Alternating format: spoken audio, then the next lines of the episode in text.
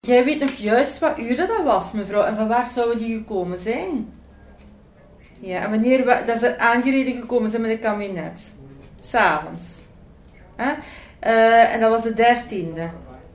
Ehm, de dertiende om... En een witte kabinet, weet je wat merk? Klein. En er stond niks op.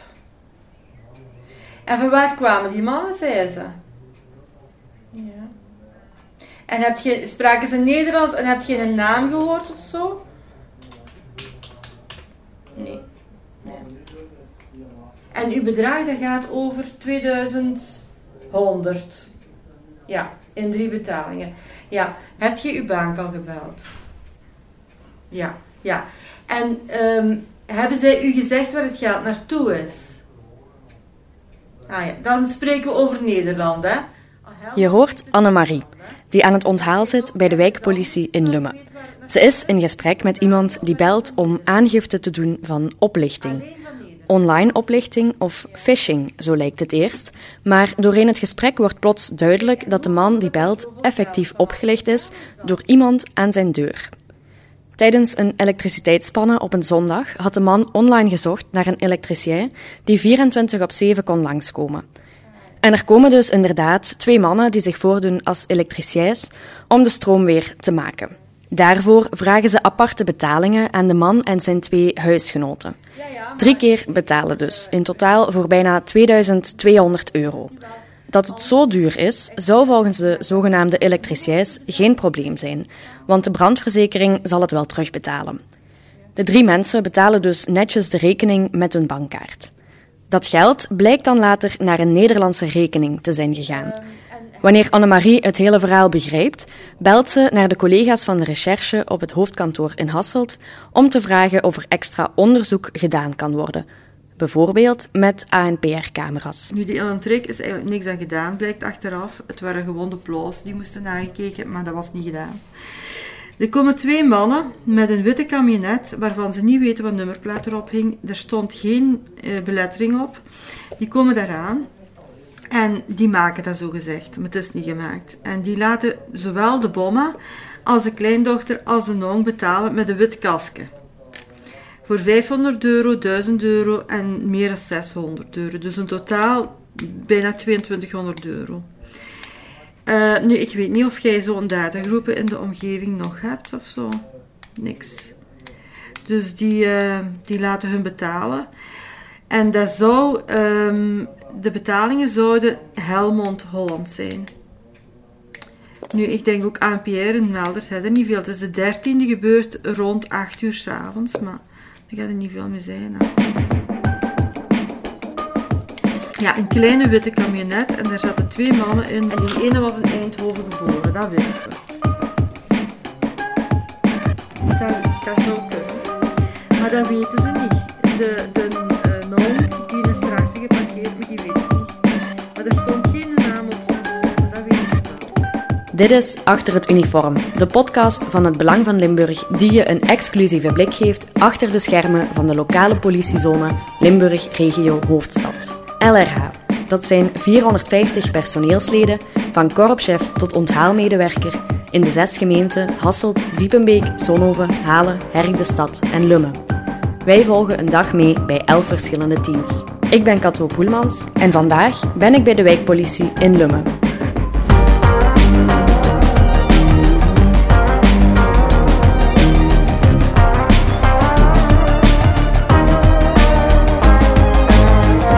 De kans is helaas klein dat de opgelichte mensen van zo net hun geld nog ooit gaan terugzien.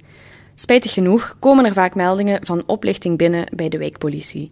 Zeker phishing is een steeds groter probleem aan het worden, weet Bart de Wulf, de teamcoach van het wijkteam in Lummen, die zelf al 29 jaar bij de politie werkt. Phishing uh, is uh, bijna niet te stoppen. Daar worden wij eigenlijk ook door overspoeld. Zelfs als klein wijkkantoor hebben wij wekelijks verschillende aangiften van phishing. In dringende gevallen, als mensen heel snel bij ons zijn, worden die wel eventueel doorverwezen voor de dringende gevallen naar Hasselt, naar onze hoofdpost, waar dan onmiddellijk eigenlijk mensen actie ondernemen, omdat er komen heel wat achter acties nog na het acteren van de klacht moet een aantal acties nog gebeuren en die gebeuren dan in de hoofdpost in Hasselt. En ook politiemensen zelf blijven niet gespaard van de pogingen van oplichters. Tja, iedereen wordt daarmee geconfronteerd. Ik heb verleden week ook een telefoon gehad met een Duits nummer. En dan is het: Hello, it's Ruby from Amazon. En dan uh, leg ik maar best neer. En dan is het gedaan, het gesprek. Maar er zijn mensen die daarop ingaan, hun daarin laten meeslepen. Nu, men is heel gewikst eigenlijk. En men gebruikt verschillende technieken om mensen te kunnen overreden. En ja, dan is het kwaad dikwijls geschiet als men beseft van oei, heb ik hier niet iets verkeerd gedaan. En dan, ja, dan gaat dat dikwijls over veel geld. Al is het toch niet voor phishing dat de meeste mensen in het wijkkantoor aangifte komen doen. De meeste aangiftes die bij ons gebeuren, uh, dat zijn meestal als we toch moeten kiezen, ik denk dat er toch nog iets meer mensen aangifte komen doen, gewoon van verlies van documenten. Uh, documenten allerhande, inschrijvingsbewijs van een auto, een identiteitskaart, een rijbewijs. Dus dat is, nog het meest eigenlijk. Een portefeuille verloren, een gsm verloren. Om de klachten en aangiftes te behandelen, hebben ze in Lummen, naast de vijf wijkinspecteurs, twee vaste klachteninspecteurs. Voor die zogenaamde klachtenpoelen is een samenwerking opgezet met de wijkkantoren van Halen en Herk de Stad. Jo is onze vaste klachteninspecteur en Christophe is ook een klachteninspecteur. We hebben een, een klachtenpoelen, zal ik zeggen, in Halen, Herk, Lummen. In die zin is er dus ook een poelen opgemaakt met klachteninspecteurs om ook de wijkagenten daarvan te ontlasten eigenlijk een beetje. Enfin, niet een beetje, een beetje veel. Als een wijkagent een aantal klachten moet acteren ja, die moet daar ook processen verbaal van opstellen. Dus die zijn er de volgende dag ook mee bezig. Misschien een dag daarna, die moeten misschien nog iemand verhoren eigenlijk in het dossier. Dat wil dus zeggen dat die een tijd wordt afgenomen van zijn of haar wijkdienst. En ja, goed, we behoren te weten wat er leeft eigenlijk in de maatschappij, in een wijk, in een buurt.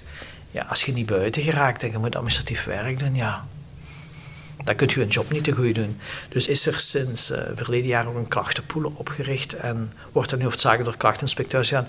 En moeten wijkagenten nog occasioneel doen als er ergens, ja goed, er valt iemand ziek en het gaat niet anders, of er iemand verlof het gaat niet anders. Maar dus dat is occasioneel eigenlijk. Zoals Bart zegt, dankzij de klachtenpoelen hebben de wijkinspecteurs meer tijd voor het echte werk in hun wijk. Het typische idee dat mensen dan hebben, of in ieder geval ik toch, de wijkagent is degene die komt controleren of ik wel echt op mijn adres woon. En uiteraard kon dat dus die dag niet ontbreken en ging ik op pad met inspecteur Isabel. Nee, uh, Joël, woont u hier nog? Ja. Ja. Ah, oké. Okay. Omdat hier heel weinig staat. Twee werkende mannen die weinig thuis Ik weet het. En s'avonds kijk je tv of nee? Dat is uh, jawel, jawel. Boven of wat? Boven, ja.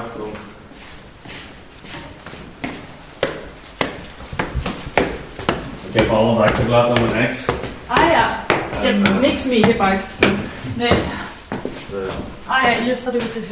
ja. Oké. Dat zijn uw kleren? Ja. Ja, goed. Aan de badkamer heel even uw spullen. Ja. ja. Veel is het niet. Nee, we zien dat hier toch eh, Geleefd wordt. geleefd wordt, ja. Oké. En Joël, was die, eh, dat, Die slaapt die daar, slaapkamer, ja. Maar die, die is eh, vrachtwagenchauffeur. en Ah, die, dus is, is heel weinig. eh. die is een hele week altijd weg. ja. Ah, die is heel de week altijd Ja. weg. Alleen het weekend hier, of Ja. wat? Ah, ja, oké, goed. Dus, eh, ja. Oké. Ja, Ja, het, het zijn wel eh, minder omstandigheden zeker. ja, minder om te poetsen ook, hè. Dat is waar. Je zit er rap door dan, hè. Niet te veel aan de kant sleuren. Eh, uw pas, alsjeblieft. Het was al de derde keer dat Isabel bij deze man langskwam voor de controle. En nu was het eindelijk prijs. De man met een druk beroepsleven kwam net aan toen wij op de oprit stonden. Het huis leek eerst nogal onbewoond, maar daar had de man een plausibele verklaring voor. En zijn slaapkamer zag er dan weer wel bewoond uit. Deze controle was dus in orde. Maar de politie heeft wel een aantal manieren om te controleren of iemand nu wel of niet ergens effectief woont. Ja, eh, we gaan er nu natuurlijk niet al onze troeven op tafel leggen. Nu, standaard kan ik zeggen, er is altijd een bezoek ter plaatse, sowieso. En we werken ook nooit op afspraak. Dus het is altijd op verrassing, zal ik zeggen. Dus dan weet je al heel veel eigenlijk. En wat we ook wel doen eventueel, als er toch wat twijfel is, we kunnen ook een buurtbevraging doen. We kunnen ze vragen bij de overbuur, de bovenbuur, als het een appartement is, van ziet je persoon X, Y hier wonen die hier? Dus dat kunnen we ook vragen. Dat is het standaardpakket. Zo doet wijkpolitie Lumme heel wat controles op een jaar en dat is niet onbelangrijk. Enerzijds om mensen uit de wijk te leren kennen, maar ook om domiciliefraude tegen te gaan. Ja, dat klopt. Wij doen wel heel wat woonstcontroles eigenlijk in onze zone. De aantallen over heel de zone weet ik niet, maar voor Lummen weet ik dat wij om en bij de duizend wooncontroles doen uh, op jaarbasis. Bij sommige mensen gevoelt dat al aan de deur. Sommige mensen hebben liever dat je niet uh, te lang blijft hangen eigenlijk. En sommige mensen, ja, zeggen, ja, kom binnen, moet een tas koffie hebben. En dan die vragen dingen over de gemeente. Zeker als dat nieuwe inwoners zijn. En dan vind ik ook dat je de uitleg moet geven. Dus soms kan een domiciliecontrole kan dat 10 minuten duren. Maar dat kan ook zijn dat een half uur duurt. Nu, uh, ja goed, domiciliefraude, dat is een hot item bij ons eigenlijk. Iets heel belangrijk om dat toch even een idee te geven. Nu, heeft ook al in het belang van Limburg gestaan. Ook, dat is nu wel cijfers van 2020 die ik in het hoofd heb. Maar we hebben toen binnen onze politiezone 750 onderzoeken opgestart. Wat geresulteerd heeft in 220 processen verbaal. Waar effectief aanwijzingen waren op domiciliefraude. Uiteindelijk heeft dat geleid tot bijna, want dat is eigenlijk de bedoeling van de zaak. Er zijn mensen die, uh, hoe moet ik zeggen, de sociale zekerheid daarbij onder druk zetten. En is er toch toen uh, bijna voor 330.000 euro aan terugvorderingen gedaan. Ten gevolge van die uh, plus-minus 220 PV's. Dus dat is toch wel vrij omvangrijk. Dus daarom zijn die domiciliecontroles eigenlijk ook zo belangrijk. Want uiteindelijk, die 330.000 euro, die betalen jij en ik en de rest ook mee. Hè? Voilà, het cliché van de wijkpolitie hebben we nu gehad. Maar uiteraard doen ze nog veel meer dan alleen woonstcontroles. Nu, um, een aantal taken die wij doen, maar dat is maar een, een korte opsomming. Dat is een niet-limitatieve lijst, zal ik zeggen. Het, het, is zo dus dat wij als wijkdienst een aantal um, opdrachten uitvoeren van het parket. Um, mensen die moeten verhoord worden, een betekening van een rijverbod, die dingen allemaal. Maar eigenlijk buiten die woonscontroles en de opdrachten van het parket eh, vind ik uh, het belangrijkste het, het, tussen de mensen staan. Aan probleemdetectie eigenlijk doen. Hoe kan de wijkagent dat eventueel detecteren? Uh, het is dus zo, als interventieploegen bijvoorbeeld geconfronteerd geweest zijn met een bepaald probleem, dat we zeggen, type voorbeeld, er is een probleem geweest binnen een gezin. Die interventiefiches, uh, iedere wijkagent bekijkt die of ik maak die over. Ik lees die ook alle dagen, ik maak die over aan de wijkagenten. En dan doet een wijkagent nogal eens een herbezoek voor te kijken van oké, hoe is die situatie binnen dat gezin? Kunnen we die mensen verder helpen? Kunnen we die doorverwijzen? Um, enzovoort. Maar we doen ook herbezoeken, mensen die slachtoffer geworden zijn, bijvoorbeeld van uh, een inbraak in een woning. Daar gebeuren ook dus herbezoeken. Um, het is dus zo dat wij ook een wijkagent gewoon als die aan het rondrijden is, dat die ook oog heeft voor de staat van het openbaar domein. Een gat in een wegdek, een verkeersbord kapot is, een verkeerslicht dat niet werkt. Ja, dat wordt doorgegeven aan de nodige diensten met het oog op herstelling daarvan.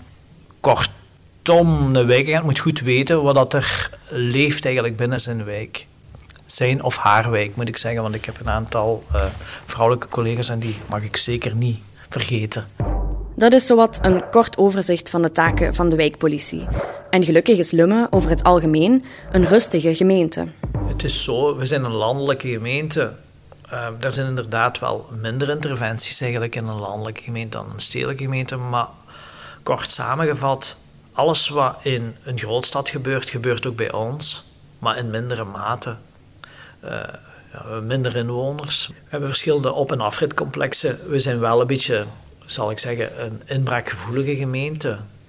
Uh, dat is heel sterk verbeterd uh, door een aantal zaken die in het leven geroepen zijn, uh, zoals het ANPR-cameranetwerk, de uitbreiding van de buurtinformatienetwerken en zo. Als ik één zaak er moet uithalen voor Lumme, ja, dan is het de inbraakgevoeligheid eigenlijk. Maar dat komt door de op- en afritcomplexen. Daders zijn zeer mobiel komen van een andere kant van het land of zelfs van een ander land. Uh, feiten plegen, snel terug naar de snelweg op en weg. dat Lumme inbraakgevoelig is, heeft er wel voor gezorgd dat de gemeente een voortrekker was op vlak van buurtinformatienetwerken, de zogenaamde BINS. Ja, in het verleden, um, maar dan spreek ik echt al van twintig jaar geleden, werd Lumme geplaagd eigenlijk door uh, heel veel inbraken, maar echt heel veel inbraken. En dan is er eigenlijk een buurtinformatienetwerk opgericht. Dus dat bestaat al twintig jaar, al zelfs iets langer dan twintig jaar. En uh, ik denk dat we het eerste buurtinformatienetwerk hadden van Limburg, denk ik. Bart is zelf, naast teamcoach in Lumme, ook gemandateerde voor de buurtinformatienetwerken in de hele politiezone LRH. In Lumme hebben we een vijftal buurtinformatienetwerken, in Diepenbeek 1. En in uh, Hasselt zijn we sinds een jaar, anderhalf jaar, uh, vergeef me als ik daar een half jaar lang zit, uh, actief samen met de preventiedienst van Hasselt zijn we zoveel mogelijk buurtinformatienetwerken aan ontplooien. Ik denk dat een teller momenteel op 11, 12 staat. Nu, het blijft het initiatief van de burger. We proberen daar wel wat reclame rond te maken. Nu, Hasselt is daar heel actief in bezig. In Lumme is uh, het grondgebied niet helemaal gedekt, maar toch wel voor een heel groot stuk. We gaan nu kijken hoe we dat verder kunnen uitbreiden. En de bedoeling is eigenlijk toch voor een Lumme, en dan mag ik ook voor Hasselt spreken, om het grondgebied volledig te dekken eigenlijk. Je hoorde het net al, maar voor de buurtinformatienetwerken werkt Bart in Hasselt samen met de preventiedienst. Samenwerking is dan ook cruciaal binnen de wijkpolitie. Niet alleen met externe partners, want ze zijn de schakel tussen de burger en de bestuurlijke overheid, maar ook intern met andere politiediensten. Ja, dat klopt. In die zin dat wij signaalfunctie zijn aan de bestuurlijke overheid. Een burger die melden zich gaat aan de wegdek of er is zus of daar aan de hand of een straatlamp kapot. Ja, wij melden dat, wij zijn eigenlijk de tussenschakel. Maar zo zijn we ook een beetje de tussenschakel intern. We zijn een beetje de, de voelsprieten van de maatschappij en, en wij moeten proberen dingen te detecteren, problemen te detecteren. En daarvoor werken wij heel veel samen met andere diensten. Zo hebben we dus bijvoorbeeld ook uh, een, een overlegplatform tussen de wijkdienst, uh, daar zit iemand in van de recherchedienst, daar zit iemand in van de overlastteam zit daarin. En daar komen wij periodiek samen en dan doen we ook een beetje aan informatieuitwisseling. En dat is, vrij, dat is vrij belangrijk ook. Dat is vrij belangrijk in die zin. Um, we krijgen niet dikwijls feedback van bepaalde dingen, van procesverbaal die opgemaakt zijn. Maar bijvoorbeeld als een recherchedienst komt melden, ja goed, dat procesverbaal opgesteld is geweest, dat heeft dat gevolg gehad. Daar hebben we eventueel een daderingen van. Goed, je krijgt feedback en dat werkt ook een beetje als motivator. En omdat ze zo dicht bij de burger staan, wordt de wijkpolitie soms ook wel anders aangeduid. Met een term die het hele idee achter de wijkpolitie omvat. Soms geeft men aan wijkpolitie ook een andere naam en zegt men nabijheidspolitie. En ik denk dat in het woord nabijheidspolitie al dadelijk een, een heel andere betekenis in zit en dat dat meer aanleunt eigenlijk bij hetgene wat wij doen als wijkpolitie. Nabijheidspolitie, we zijn een beetje de mensen binnen de wijkpolitie uh, die moeten weten wat er leeft in een wijk, in een buurt. De problemen detecteren die zich in een wijk voordoen. Dat kan hem gaan naar overlast, overlastplaatsen, maar dat kan hem ook gaan naar uh, probleemsituaties in gezinnen. Uh, van alles en nog eigenlijk.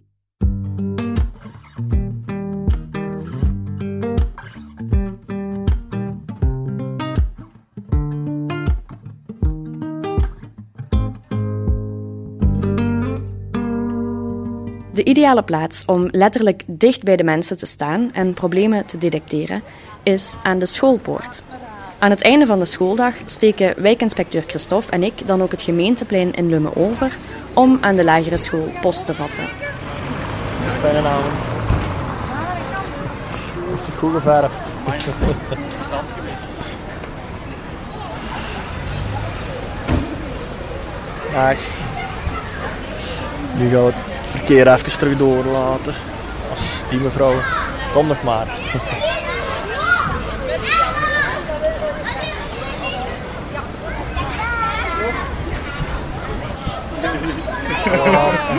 Fijne avond. Je ziet dat het nu al begint te minderen. Hè. Wel zijn kindjes wuiven. Ja, ja, soms komen die af, moeten die een vuistje. Daar is zo een mannetje bij, zo nog een kleuter. Die moet elke morgen de vuistje komen geven. Dan komt die papa of de mama. Ah, hier. Hier, dat is ook ook een die een vuistje komt geven. High five. Box.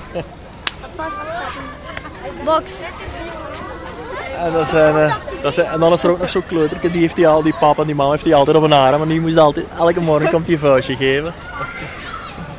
Dat is wel leuk, hè? Ja, dat is ja. wel een plus aan het werk. Ja, ja, absoluut. Veel bedankjes en vrolijke kinderen.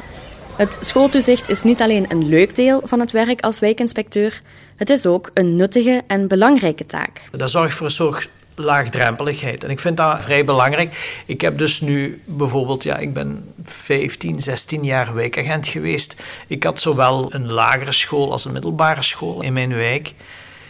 En als je zo lang eigenlijk al aan de schoolpoort staat, dat zorgt ook op termijn voor een laagdrempeligheid bij de jongeren. In die zin dat je kinderen kent van in de kleuterklas. En dat je die eigenlijk, er zijn er heel veel in Lummen, die in het centrum naar school gaan in de lagere school, maar die dan doorstromen ook naar het middelbare centrum. Dus je blijft bij die jongeren in contact. En die kennen u wel als de geuniformeerde man, de politieagent, maar die kennen u meestal door Bart eigenlijk gewoon. En die kennen u allemaal.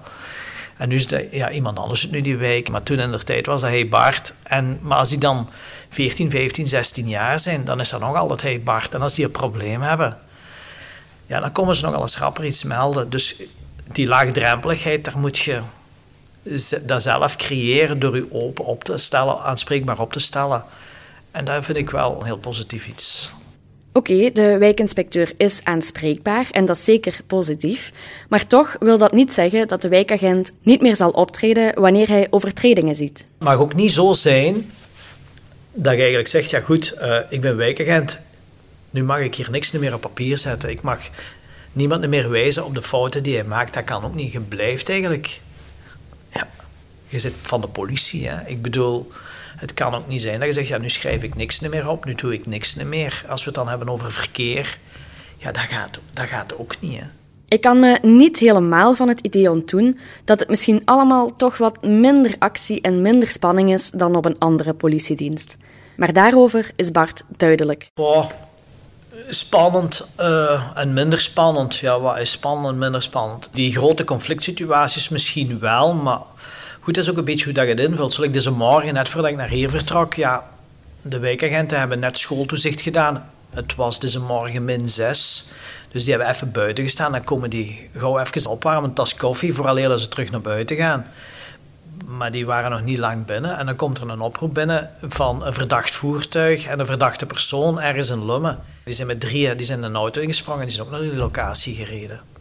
Dus in die zin proberen wij ook in sommige gevallen, als er zich een interventie voordoet eigenlijk in, in een Lummen, en de wijkagent kan daar iets betekenen, zullen hij, zij of met een paar mensen zullen ze ook ter plaatse gaan. Hè?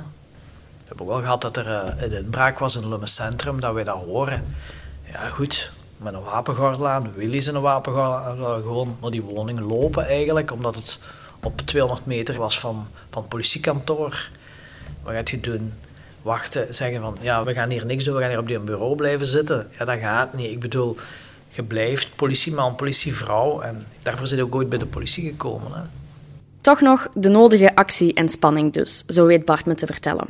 Maar wat maakt nu eigenlijk dat hij deze job bij de wijkpolitie zo graag doet? Wat mij dus aanspreekt in een job, dat is ja, tussen en dicht bij, bij de mensen staan. Mensen helpen eigenlijk in, in diverse probleemsituaties.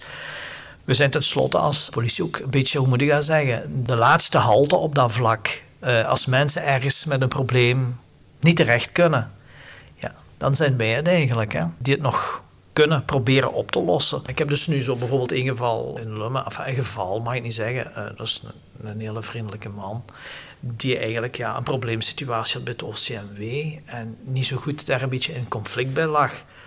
Die komt af en toe bij mij langs en ik help die met zijn briefwisseling. Ja, waar moet die man naartoe? Die heeft geen familie eh, die voor hem kan zorgen. Wie moet het doen? Ik bedoel maar, we staan heel dicht bij de mensen en wij zijn eigenlijk echt de, laatste halte waar mensen terecht kunnen als ze met een probleem zitten.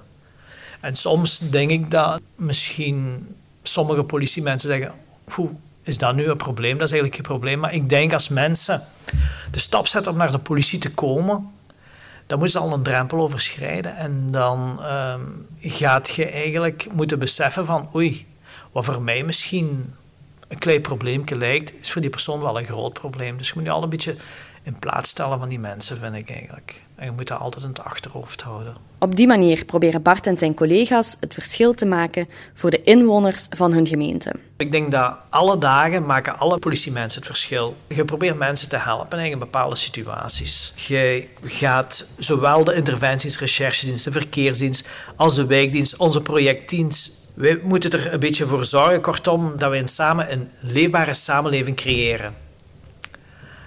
En ik denk, als je dan zegt tegen mij, denk je dat je verschil kan maken met je job? Ik denk dat daar alles in zit. Als ik gewoon zeg, ja, we proberen een samenleving leefbaar te maken. Mensen uh, wijzen op hun plichten, maar ook zeggen wat de mensen hun rechten eigenlijk zijn. Als je de politie wegdenkt, ja, dan denk ik, ik weet het niet, maar ik denk dat, dat je dan tot chaos komt. Dus je vraagt mij of ik het idee heb of ik een verschil kan maken met mijn job. Ja, dan moet ik terug herhalen wat ik juist zei. Alle politiemensen, alle diensten die we hebben eigenlijk bij onze zone, maken iedere dag opnieuw het verschil in deze samenleving.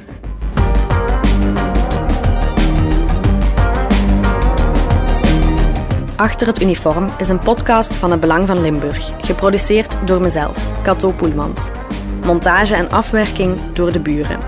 De muziek is het werk van Stef Leenaerts van House of Media. Chef podcast is Geert Nies. Reageren op deze aflevering kan via podcast.hbvl.be. En wil je onze journalistiek ondersteunen? Bekijk dan onze voordelige abonnementen op hbvl.be/voordelig.